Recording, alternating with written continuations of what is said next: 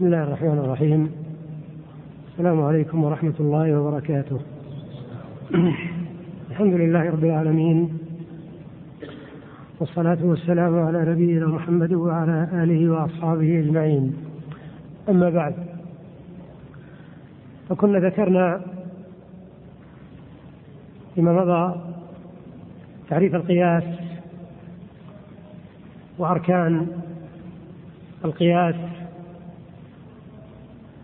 وذكرنا مثالا واحدا لتوضيح القياس. من الأمثلة التي يتداولها الأصوليون قياس النبيذ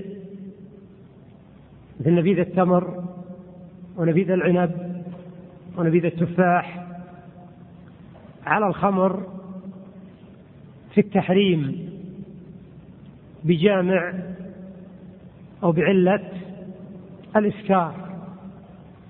فالنبيذ فرع والخمر أصل والتحريم حكم والإسكار علة. هذا المثال يذكره الأصوليون مع أن هذا المثال فيه نظر. لأن شرط القياس ألا يكون الفرع ثبت فيه نص والنبيذ ثبت فيه نص وهو قول الرسول صلى الله عليه وسلم كل مسكر خمر كل مسكر خمر وكل خمر حرام. فذكر هذا المثال ذكر هذا المثال في كتب الأصول إما أن يحمل على من لم يبلغ الدليل كما قيل وإما أن الأصوليين يمثلون به كمثال تقريبي أو أنه من باب تعاضد الأدلة. فيقال أن النبيذ ثبت فيه التحريم بالنص وثبت فيه التحريم بالقياس. مثال آخر حتى يتضح القياس أن القياس الكلام فيه في بقية درسنا اليوم وجزء من درس الغد إن شاء الله كله في القياس. من الأمثلة أنه ورد النهي عن البيع يوم الجمعة. بعد النداء الثاني. يعني بعد النداء اللي يكون بعد دخول الخطيب. ورد النهي كما في قوله تعالى يا أيها الذين آمنوا إذا نودي للصلاة من يوم الجمعة فاسعوا إلى ذكر الله. والحكمة من النهي عن البيع خشية أن يكون البيع سببا في تفويت الجمعة أو تأخر السعي إليها. يجي الفقيه يشوف العلة هذه موجودة في عقود أخرى مثل الوكالة أو الإجارة أو الرهن. يقول الفقيه ما يجوز الرهن يوم الجمعة بعد النداء الثاني. ولا تجوز الوكالة يعني توكل شخص في أمر ما. ولا يجوز عقد إجارة بين شخصين. الأحكام هذه ما فيها دليل إلا القياس على البيع والعلة خشية تفويت الجمعة أو التأخر في السعي إليها. فهذه بعض من الأمثلة التي توضح القياس وسيرد في الموضوع في البحث أمثلة أخرى. يقول الشيخ في تعريف أركان القياس الأربعة قال فالأصل ما يثبت به حكم غيره. الأصل ما يثبت به حكم غيره.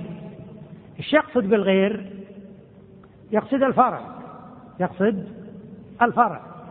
هذا معنى قوله ما ثبت به حكم غيره. يعني إن حكم الفرع منين جاء؟ منين جاء حكم الفرع؟ من الأصل. ويمكن أن تعرف الأصل تعريفا أوضح. فتقول الأصل ما تعدى حكمه إلى غيره. ما تعدى حكمه إلى غيره. فمثلا في المثال الأول الأصل هو البر أو القمح. حكمه نعم جريان الربا. استعد حكمه وهو جريان الربا إلى الفرع الذي هو الرز. قال والفرع ما ثبت حكمه بغيره. عكس الأصل. يعني منين ثبت حكم الفرع؟ من الأصل. إذا يصير بغيره. إيش تفسر بغيره؟ الأصل. ولوله بغيره الفرع. ولو أردنا نمشي على التعريف الثاني اللي ذكرنا في الأصل نقول في الفرع ما تعدى إليه حكم غيره. ما تعدى إليه حكم غيره. قال وهو الذي يثبت بالعلة حكمه. ألب هنا سببية. يعني ما الذي جعل الحكم يثبت في الفرع؟ ما السبب في ثبوت الحكم في الفرع؟ السبب وجود العلة في الفرع. ولا لو لم توجد العلة في الفرع ها؟ ما يصح القياس. كذا يا إخوان. لو جاء إنسان وقال يجري الربا في التفاح قياسا على البر بجامع الكيل والادخار. نقول القياس القياس هذا غلط. لأن العلة اللي في الأصل اللي هي الكيل والادخار ليست موجودة في الفرع الذي هو التفاح. لأن التفاح مو وكيل التفاح معدود. في الأصل يعني. والتفاح أيضا ليس مدخرا. المقصود أنه لا بد أن العلة تكون موجودة في الفرع. هذا هو الأساس في القياس. يقول وذلك مختلف فيه. الظاهر الشيخ أنه يقصد أن الفرع فيه خلاف. هل الفرع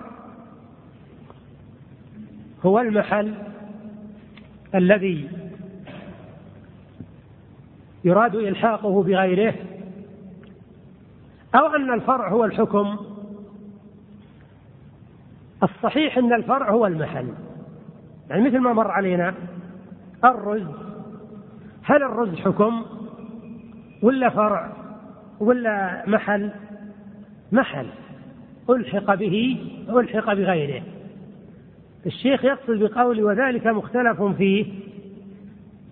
يعني أن الفرع فيه خلاف. والراجح أن الفرع هو المحل الذي يراد نقل حكم الأصل إليه. الذي يراد نقل حكم الأصل إليه. في قول آخر يقول أن الفرع هو حكم المحل. هو حكم المحل. فمثلا على القول الأول في مثالنا قياس الرز على البر. على القول الأول إن الفرع هو المحل يصير الفرع هو الرز. وعلى القول الثاني إن الفرع هو هو الحكم نعم. حكم المحل يعني يصير الفرع هو جريان الربا. لكن الصواب في هذا أن الفرع هو المحل الذي يراد نقل حكم الأصل إليه. يقول وليس من شرطه أن يشابه الأصل في جميع صفاته. لأنه لو كان كذلك لكان هو هو أو بعضه أو هو بعضه. يعني أنه ما يتم القياس إلا لابد يكون بين الأصل والفرع مشابهة. منين جاءت المشابهة؟ من العلة المشتركة بينهما. فنحن قسنا الرز على البر لأن بينهما مشابهة. كل منهما مكيل كل منهما قوت كل منهما مدخر كل منهما مطعوم. لكن هل الرز هو القمح تماما؟ لا. القمح له خصائص والرز له خصائص إذا خشي المؤلف إنك تفهم إنه لابد يكون الفرع مطابقا للأصل بجميع الأوصاف. قال لا ليس هذا هو المقصود. لأنه لو كان مطابقا للأصل في جميع الأوصاف لكان إيش؟ لكان هو هو. كان الأصل والفرع شيء واحد. هذا معنى كلامي هنا وأنه لا بد من المشابهة بين الأصل والفرع لكن لا يشترط أن تكون المشابهة من جميع الأوجه. ولهذا قلت لكم في المثال الذي مر مثال التفاح أنه ما يصح قياس التفاح على البر لأن ما بين التفاح والبر أي مشابهة. اللهم إلا مشابهة ليس لها اعتبار وليس لها قيمة وهي أن كل منهما مطعوم. مع أن هذا مطعوم بطريقة اللي هو التفاح وهذا مطعوم طريقة أخرى. فيضعف القياس أو بمعنى أصح لا يصح. قال والعلة هي المعنى الجالب للحكم. العلة يا إخوان هي أهم أركان القياس. حتى إن العلة ألف فيها مؤلفات مستقلة. وما ألف مؤلفات في الأصل؟ ولا في الفرع ولا في الحكم. لكن العلة أفردت في مصنفات بل في مجلدات مستقلة. ولهذا أكثر مباحث القياس تتعلق بالعلة. فالعلة عرفها الشيخ بقوله هي المعنى الجالب للحكم. يعني مثل الإسكار هو الذي جلب الحكم وهو التحريم. وجريان الربا والكيل والادخار هو الذي جلب الحكم وهو جريان الربا. وخشية تفويت الجمعة في موضوع البيع هو الذي جلب النهي عن البيع يوم الجمعة بعد النداء الثاني. هذا معنى الجالب. ومعنى الجالب للحكم يعني أن العلة وصف مشتمل على حكمة اقتضى التشريع الحكم. اقتضى التشريع الحكم. يعني عندك مثلا حفظ العقول هذه حكمة عظيمة من أحكام الشرع بل إنها إحدى الضروريات. فالإسكار علة. اشتملت على هذا الوصف الذي هو حفظ العقول. فهذه العلة جلبت الحكم وأتت بالحكم الذي هو التحريم. ومع هذا فإن من الأصوليين ما يرى التعبير بكلمة الجانب خشية أن يفهم من هذا إن العلل إن هي اللي شرعت الأحكام. دافع بعضهم وقال هذا لا يؤثر لأن الله جل وعلا إنما يشرع الأحكام لمصالح العباد. فلا مانع أن يقال إن العلة المتعلقة بالعباد إنها جلبت الحكم الذي شرعه الله تعالى. فهم يعتبرون ويقولون التعبير أمر سهل إذا كان المقصود واضحا وبينا. لكن مع هذا لو أن الشيخ قال العلة هي الوصف المشترك بين الأصل والفرع الذي بني عليه الحكم. أحسن. الذي بني عليه الحكم. هذا يكون أوضح من جهة وأسلم من جهة حتى نتخلص من كلمة الجالب لأنه الذي بني عليه الحكم بناء الحكم على العلة هذا تعبير سائغ يعني كأن الحكم مرتب على العلة. يقول والحكم اللي هو الركن الرابع. الثابت بالقياس وهو قضاء الشرع. يعني الحكم الثابت بالقياس في أي شيء؟ في الفرع. ولا أصل الحكم ثابت بالأصل بالدليل؟ الحكم ثابت بالأصل بالدليل. لكن ثبوته في الفرع هو الذي عن طريق القياس. ولهذا يقصد الشيخ بقوله والحكم الثابت بالقياس الثابت في أي مكان في أي محل؟ في الفرع. قضاء الشرع والمستنبط وهو المطلوب بالنظر الذي تنصب لأجله الأدلة وتساغ له الأقيسة قوله وهو قضاء الشرع يعني قد يكون الحكم منصوص منصوصا عليه. والمستنبط قد يكون الحكم استنبطه المجتهد باجتهاده. استنبطه المجتهد باجتهاده. فقد يكون منصوصا عليه الإسكار وقد يكون الحكم مثلا استنبطه المجتهد باجتهاده اللي هو مثلا النهي مثلا عن البيع يوم الجمعة على القول بأن النهي عن البيع يوم الجمعة أنه يقتضي التحريم ويقتضي فساد العقد على الخلاف في المسألة. قال وهو المطلوب بالنظر الذي تنصب لأجله الأدلة وتساغ له الأقيسة. يعني إن المقصود أصلا من القياس أنك تعدي حكم الأصل إلى إيه؟ إلى الفرع. هذا هو كل المقصود من القياس من أوله إلى آخره. ولا الأصل؟ أصل حكمه ثابت بالدليل. إذا يكون المقصود من القياس أنك تتأكد من وجود العلة في الفرع ومن ثم تنقل حكم الأصل إلى الفرع. بعد هذا انتقل الشيخ إلى مبحث طويل نوعا ما. قال والقياس على ضربين واضح وخفي. التقسيم هذا القياس يا إخوان له تقسيمات كثيرة. أما هذا التقسيم فهو تقسيم القياس بحسب قوته وضعفه.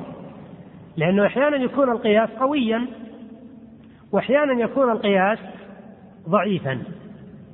فالقياس القوي هو القياس الجلي. وإن شئت قل القياس الواضح.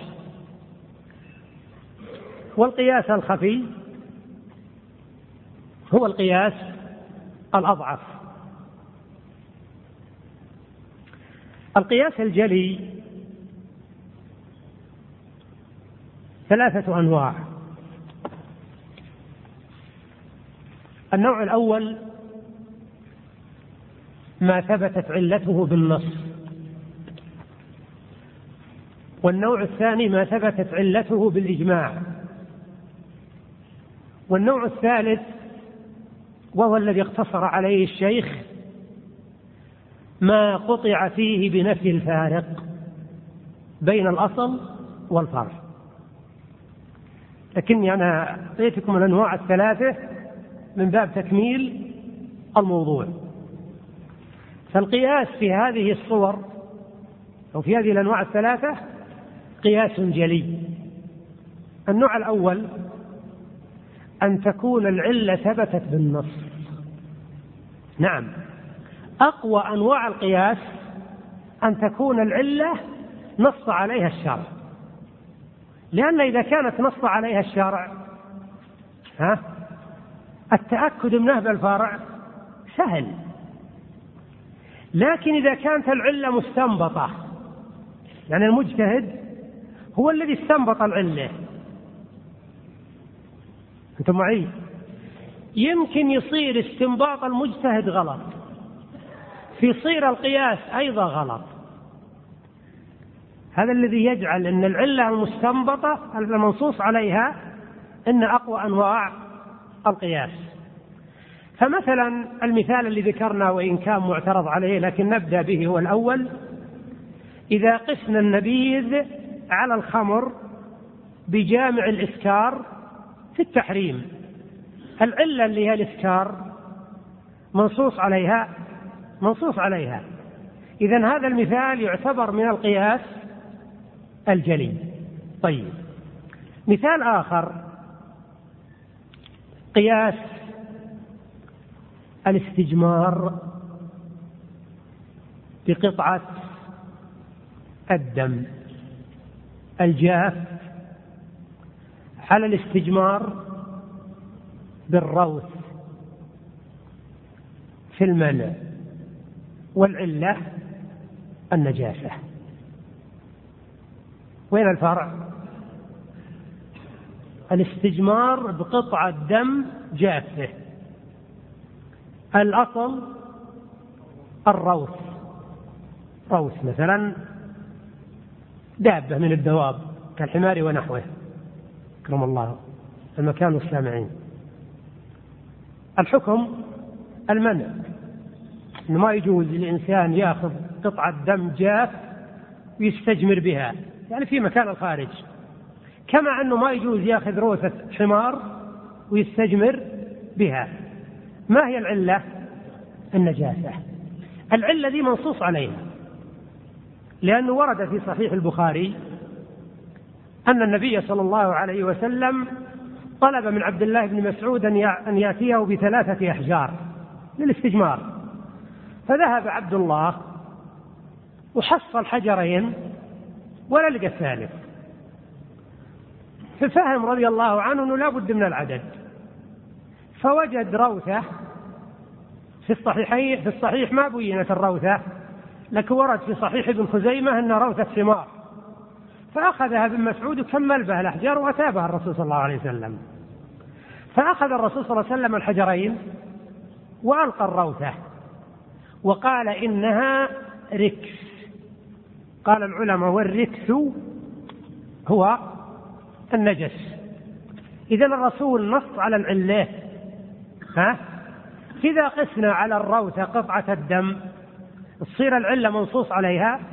منصوص عليها. هذا قياس جلي. هذا النوع الأول. النوع الثاني أن تكون العلة ثبتت بالإجماع. مثل قياس منع الحاقن أو الجائع أو الخائف من القضاء. قياس على الغضبان في المنع. العلة تشويش الذهن وانشغال القلب. طيب أين الفرع؟ الحاقن يصلح فرع وحده وحده. أو الخائف أو الجائع. الأصل الأصل الغضبان. الحكم المنع من القضاء. الغضبان ورد فيه النص كما في حديث أبي بكر في الصحيحين أن النبي صلى الله عليه وسلم قال لا يقضي القاضي بين اثنين وهو غضبان. فالعلماء قاسوا على الغضبان الخائف. لو إن القاضي مثلا عنده خوف مثلا. كل ما حرك الباب انصرف ذهنه عن القضية كلها راح يشوف اللي بيحرك الباب من اللي بيدخل. لأنه خايف. أو جائع أو عطشان أو في شدة برد أو في شدة حر. كل هذه ملحقة بالغضبان. العلة هل الرسول صلى الله عليه وسلم لما نهى عن القضاء حال الغضب ذكر العلة ما ذكر العلة لكن العلة مجمع عليها بين أهل العلم وهي تشويش الذهن وانشغال القلب إذا هذا النوع من القياس إيش؟ من القياس الجلي. النوع الثالث هو الذي اقتصر عليه الشيخ أن يقطع بنفي الفارق بين الأصل والفرع. والمعنى أننا نجزم بأنه ما في أي فرق بين الفرع والأصل. يعني مثل ما مر علينا قياس الرز على البر هل نجزم إنه ما في فرق بين الرز والبر؟ لا في فرق لكن القياس الجلي لا بد أن المجتهد يجزم بأن الفرع والأصل سواء في الحكم. ليس معنى هذا كلام الشيخ لا يجي علينا يدخل علينا الآن. ليس معنى هذا أن الأصل والفرع سواء لا. المقصود أنهما في الحكم سواء ما بينهم فرق. مثاله غير مثال الشيخ نأتي مثال من عندنا للتوضيح. الله جل وعلا نص على تحريم أكل مال اليتيم. قال تعالى إن الذين يأكلون أموال اليتامى ظلما إنما يأكلون في بطونهم نارا وسيصلون سعيرا. لو جاء إنسان وأخذ مال يتيم وأغرقه في البحر أو جاء إنسان وأخذ مال يتيم وأحرقه العلة واحدة وهي الإتلاف. الأكل إتلاف والإحراق إتلاف والإغراق إتلاف. ولهذا يقول الأصوليون إن هذا النوع من القياس من القياس الجلي لأننا نقطع بنفي الفارق بين الأصل والفرع. ليش؟ لأن اليتيم خسر ماله. هل في فرق بالنسبة لليتيم إن ماله أكل ولا أحرق ولا أغرق؟ ها؟ كل واحد. هذا معنى الجزم والقطع. بنفي الفارق بين الأصل والفرع.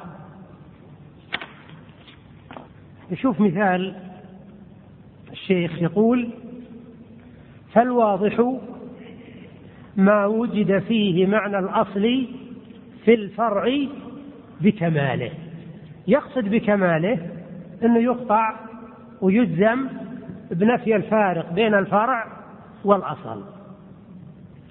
قال كقوله تعالى فإذا أحصن فإن أتين بفاحشة فعليهن نصف ما على المحصنات من العذاب. فإذا أحصن الآية ذي فيها قراءتان. قراءة كقراءة حفص عن عاصم بضم الهمزة. فإذا أحصن ومعناها تزوجنا حرا يعني تزوجت الأمة حرا. وفيها قراءة بالفتح فإذا أحصن. قراءة الفتح معناها الإسلام. إذا الإحصان قد يكون بالتزويج أن الأمة تتزوج حرا وإما أن يكون إحصانها بالإسلام. طيب. فإن أتينا بفاحشة المراد الزنا. فعليهن يعني على الإماء نصف ما على المحصنات. المراد بالمحصنات هنا الحرائر. من العذاب العذاب الذي على الحرائر ويمكن يتنصف هو الجلد. تبذي أما قضية الرجم صحيح أن الحرة إذا زنت وهي محصنة تزوج أن ترجم لكن هذا غير داخل معنا لأن الرجم يمكن يتنصف يقول يقال ارجموه حتى يغمى عليه إذا أغمي عليه يتركوه خلاص هذا النص يقول لا الرجم ما يتنصف اللي تنصف هو الجلد. طيب في ذكر الآن الآية تتحدث عن من؟ عن الإمام يعني عن الأمة فيجي المجتهد ويقول إن الشرع نصف العلة نصف الحكم اللي هو الجلد على الأمة بعلة الرق لأن الله جل وعلا قابل الإماء بالحرائر دل على أن العلة اللي نصفت العذاب عليهن ما هي؟ الرق. فيجي المجتهد يقول الرق موجود بالذكر يعني بالرقيق. فإذا زنى الرقيق ينصف عليها العذاب. فإذا جلدنا الرقيق خمسين جلدة ما عندنا دليل على هذا إلا القياس على الأمة. لأن الأمة ثبت تنصيف الحد عليها بنص القرآن. والعلة هي الرق. فإذا كان الرق موجودا في الرقيق وهو الذكر ينصف عليه العذاب عن طريق القياس. وهذا يعتبر من القياس إيش؟ الجلي. لا إلا يقول فذكر الإحصان تنبيه بأعلى حالتيها على أدناهما. فذكر الإحصان تنبيه بأعلى حالتيها على أدناهما.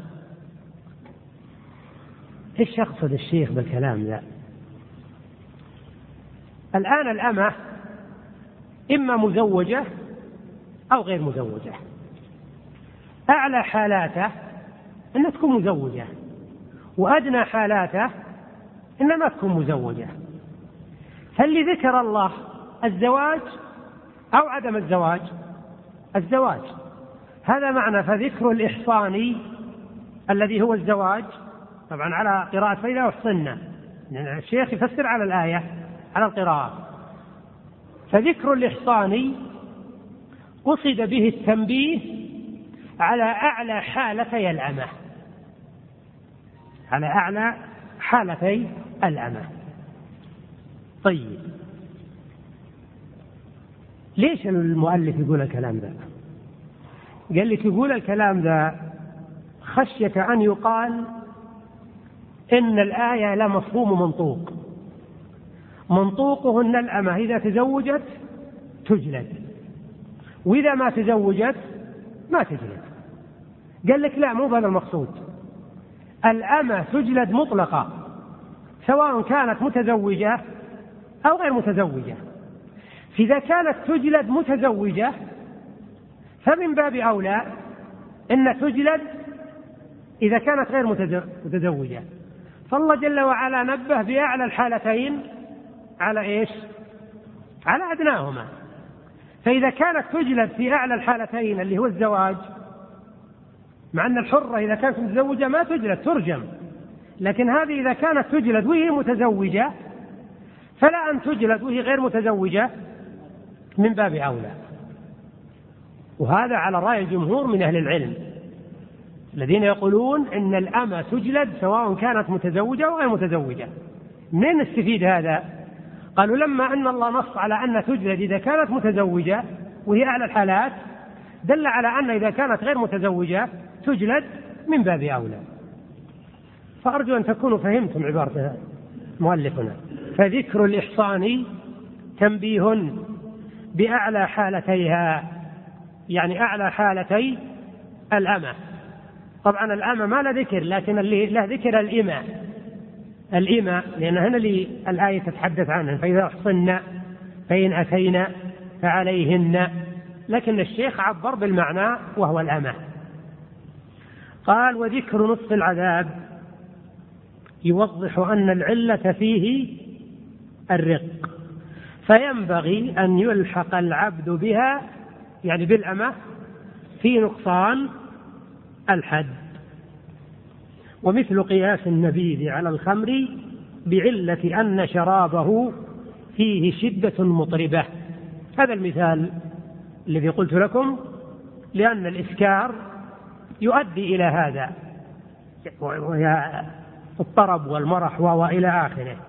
والشدة الشدة هذه كما قلت لكم في أول تعريف القياس أن الخمر أول ما يحصل أنه يغلي ويشتد ويقذف بالزبد. يعني هو إذا وضع مثلا في قدر مثلا تمر وصب عليه ماء وغطي وترك مدة إذا فتح الغطاء يكون قد غلى واشتد وبدأ يقذف بالزبد هذا دليل على الإسكار انتهينا الآن من القياس الواضح. قال وأما القياس الخفي فهو قياس الشبه. ومعنى قياس الشبه أن يتردد فرع بين أصلين. له شبه بكل واحد منهما وشبهه بأحدهما أكثر. فيرد إلى أكثرهما شبها به. أصل الشبه لا بد منه كل قياس ولا لا؟ لا بد أن الفرع يشبه الأصل. لكن تسمية هذا النوع قياس الشبه مجرد اصطلاح للأصوليين. قياس الشبه مثل ما ذكر الشيخ هو أن يتردد فرع بين أصلين اللي يا إخوان القياسات اللي راحت ما عندنا إلا فرع واحد وأصل واحد. لكن الآن اتسعت الدائرة. الآن عندنا فرع واحد يتجاذبه أصلان. فنحن سننظر. الفرع يعني ما أقوى شبهه؟ هل هو بالأصل الأول أقوى أو بالأصل الثاني أقوى؟ فيها المثال الذي يتداوله الأصوليون. يقولون الرقيق العبد المملوك يشبه الحر من جهة ويشبه المال وبعضهم يقول يشبه البهيمة من جهة. العبد إذا رأيت أنه مثلا توفيرا للوقت عبارة الشيخ يشبه الأحرار من حيث التكليف. يصلي هو ويصوم مكلف مثل الحر. وجوب الحدود مثل ما مر قبل قليل لو زنى يقام عليها الحد. والقصاص لو قتل الرقيق حرا ها يقتص منه. وملك الأبضاع عندكم الهمزة مكسورة تحت؟ إي غلط هذا. وملك الأبضاع اللي هو جمع بضع مثل قفل وأقفال. والمراد بملك الأبضاع الزواج يعني لأن البضع هو الفرج كناية عن الزواج. وملك الأبضاع يعني أن العبد يتزوج مثل الحر والطلاق الرقيق يطلق مثل الحر إلا أنه ماله ماله إلا أن يطلق طلقتين فقط ما يطلق ثلاث. خلاف الحر يطلق ثلاثا. إذا الآن في شبه بينه وبين الحر. ها؟ في شبه بينه وبين الحر. إذا جينا للمقابل قال ويشبه البهايم حيث من حيث ها؟ من حيث كونه مملوكا ومضمونا بالقيمة في الغصب والإتلاف. نعم هو الآن أشبه البهيمة. من جهة أنه مملوك. اللي عنده عبد مثل اللي عنده بقرة يقدر يأخذ يد العبد يطلع به السوق يبيعه. مثل ما يأخذ يد البقرة ولا رقبته يطلع به السوق يبيعه. إذا مملوك. طيب لو أتلف لو أتلف يضمن بالقيمة. قال للي أتلفه تعال أنت أتلفت العبد العبد هذا قيمته عشرة آلاف دينار مثلا. مثل لو أن البقرة هذه أتلفها إنسان مثلا صدم سيارة ها؟ فيها هدية هي؟ هدية هي؟ لا فيها إيش؟ القيمة. إذا العبد مثل البهيمة مضمونا بالقيمة في الغصب لو تلف عند الغاصب ومضمون بالإتلاف لو إنسان تعدى عليه. فيلحق بأكثرهما شبها به. قال العلماء وقد تأملنا فرأينا أن شبهه بالمال أو بالبهيمة أكثر فأخذ حكمها. هذا معنى قياس الشبه أن يتردد فرع. يا إخوان ما هو الفرع؟ الرقيق نعم العبد. بين أصلين الحر والبهيمة أو المال. له شبه بكل واحد منهما. تبين الشبه. وشبهه بأحدهما أكثر. يعني هذا هو الغالب. القياس الشبه ما يصير على حد سواء. ترجح. بل إن المجتهد مطالب أنه يرجح واحدا على الآخر. فما الحكم؟ فيرد إلى أكثرهما شبها به. قال وكاستدلالنا على الترتيب في طهارة الحدث بالأفعال المتغايرة وإفسادها بالنوم والحدث. خليكم معي شوفوا العبارة كيف. كاستدلالنا في طهارة الحدث بالأفعال المتغايرة وإفسادها بالنوم والحدث. وين الأصل؟ وين الأصل الآن؟ هذه العبارة يبدو هي فيها ركاكة طهارة الحدث بالأفعال المتغايرة وإفسادها بالنوم والحدث هذه العبارة فيها ركاكة من جهة وفيها نقص من جهة أخرى لأن الأصل ما ذكر هنا. ما في أصل. وذكر الفرع اللي هو الطهارة كذا. وذكر الحكم اللي هو الترتيب. وذكر العلة اللي هي إفسادها بالنوم والحدث. وبعد الرجوع إلى عدد من كتب الأصول اتضح أن القياس كالآتي. قياس الطهارة على الصلاة في وجوب الترتيب والجامع بينهما أن كل منهما عبادة تشتمل على أفعال متغايرة وكل منهما عبادة يفسدها الحدث. يبدو أن هذا هو الصواب في سياق الكلام. فالطهارة أصل والصلاة فرع والساد بالحدث ترتيب ترتيب حكم وإفسادها بالحدث وكونها أفعال متغايرة هذا هو العلة. هنا ما اتضح المثال على التعريف المتقدم لأننا اشترطنا في التعريف المتقدم أن يكون عندنا أصلان. فلعل الشيخ هنا انتقل إلى التعريف الثاني لقياس الشبه. وهو أن يجمع بين الأصل والفرع. بعلة هي ليست بعلة واضحة وإنما هي مجرد شبه. الآن يا إخوان قياس يعني قولنا أنه يجب الترتيب في الوضوء لأن الوضوء أفعال متغايرة وجه ويدين ورجلين إلى آخره.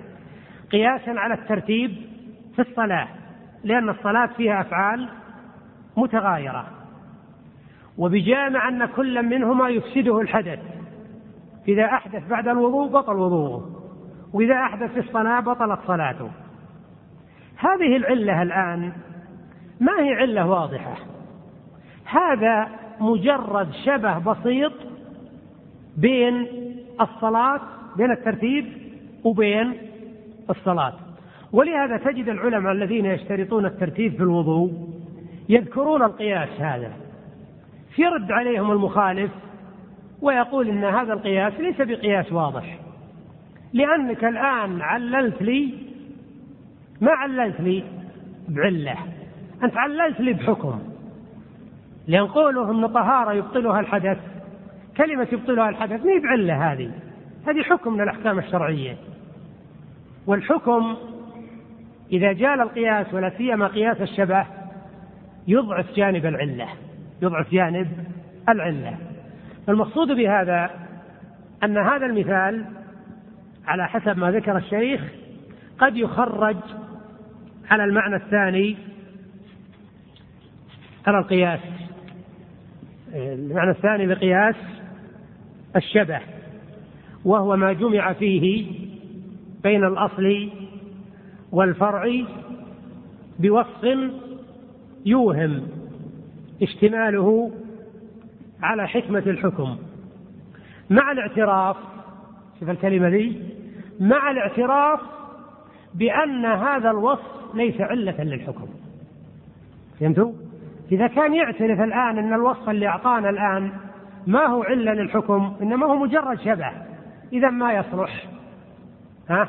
القياس ولهذا وقع الخلاف بين العلماء في قياس الشبه.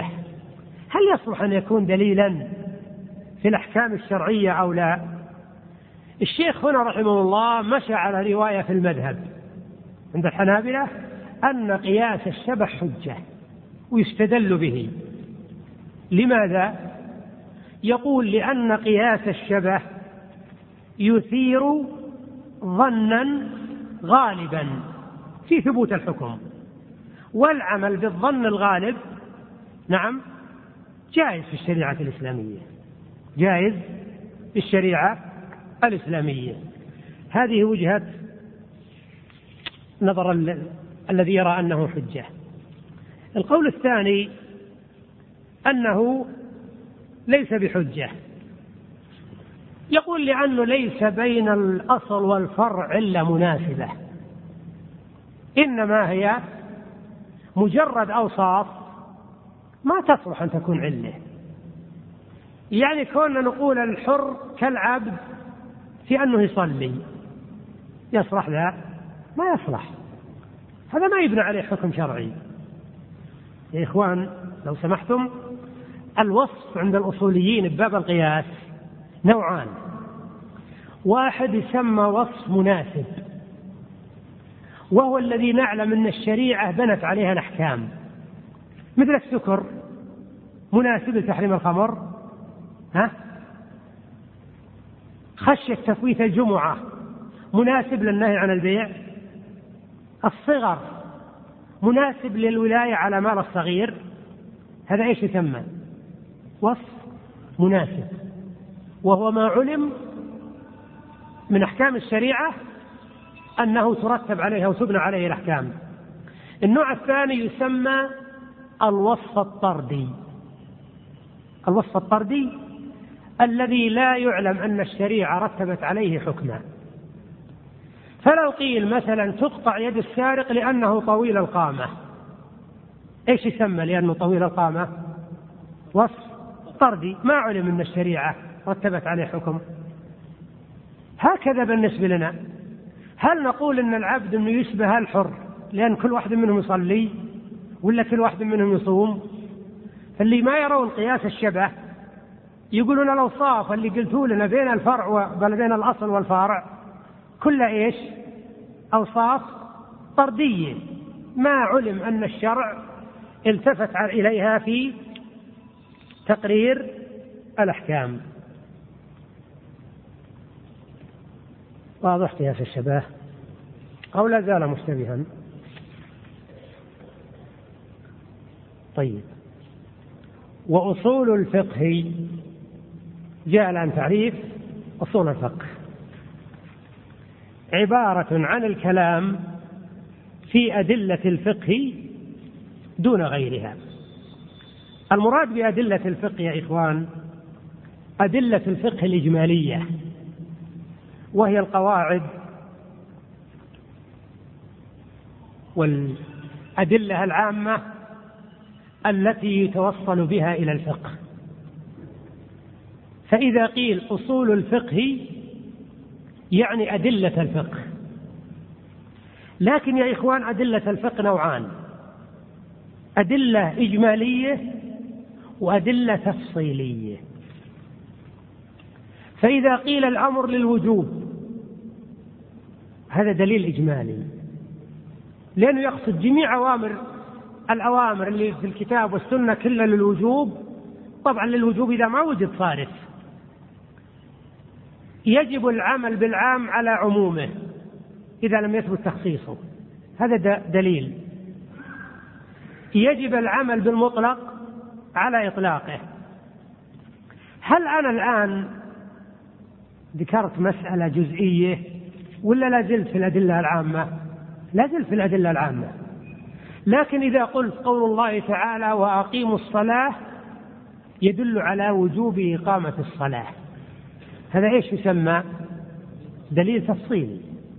فالأدلة التفصيلية هذه مهمة الإجمالية هذه مهمة الأصولي والأدلة التفصيلية كما سيأتي تفصيلية هذه مهمة الفقيه. ولهذا الشيخ قال عبارة عن الكلام في أدلة الفقه دون غيرها دون غيرها. الأدلة التي ما تتعلق بالفقه لا تدخل في أصول الفقه. فمثلا لو جبنا الأدلة العقلية مثلا ما لها علاقة هذه بأصول الفقه. الذي يعنى به في أصول الفقه هو أدلة الفقه والمراد بأدلة الفقه الأدلة التفصيلية؟ لا. المراد بها الأدلة الإجمالية والقواعد العامة والأدلة العامة التي يقعدها الأصولي ويعطيها الفقيه لأجل أن يشتغل بها. ولهذا ما تذكر الأمثلة والأدلة الجزئية بأصول الفقه إلا لقصد إيش؟ التمثيل.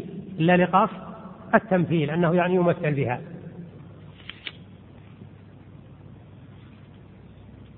والفقه في اللسان يعني في اللغة الفهم. من قولهم فلان فقه قولي أي فهمه. ومنه قوله تعالى ولكن لا تفقهون تسبيحهم. هذا واضح. في أن الفقه في لغة العرب معناه الفهم. كل من فهم شيئا فهو فقيه. لكن لكن فقيه اصطلاحا لا. حتى الجاهل الذي لا يعرف كوعه من كرسوعه ها؟ لو إنسان قال له كلام وقال أنا فهمت يصح أن يقول له أنت فقيه ما شاء الله ها؟ يصح. يصح أن يقول يقول له أنت فقيه. فقيه من أي جهة؟ من جهة اللغة لأنه فهم الكلام. فالفقه في اللغة معناه الفهم أي فهم؟ لكن الفقيه في الاصطلاح أو الفقه في الاصطلاح قال العلم بأفعال المكلفين الشرعية دون العقلية من حظر وإباحة وندب وكراهة. العلم بأفعال المكلفين يعني العلم بأحكام الصلاة والزكاة الصيام والبيوع والعقود والجنايات هذه كلها من أفعال المكلفين. وليش الشيخ قال بأفعال؟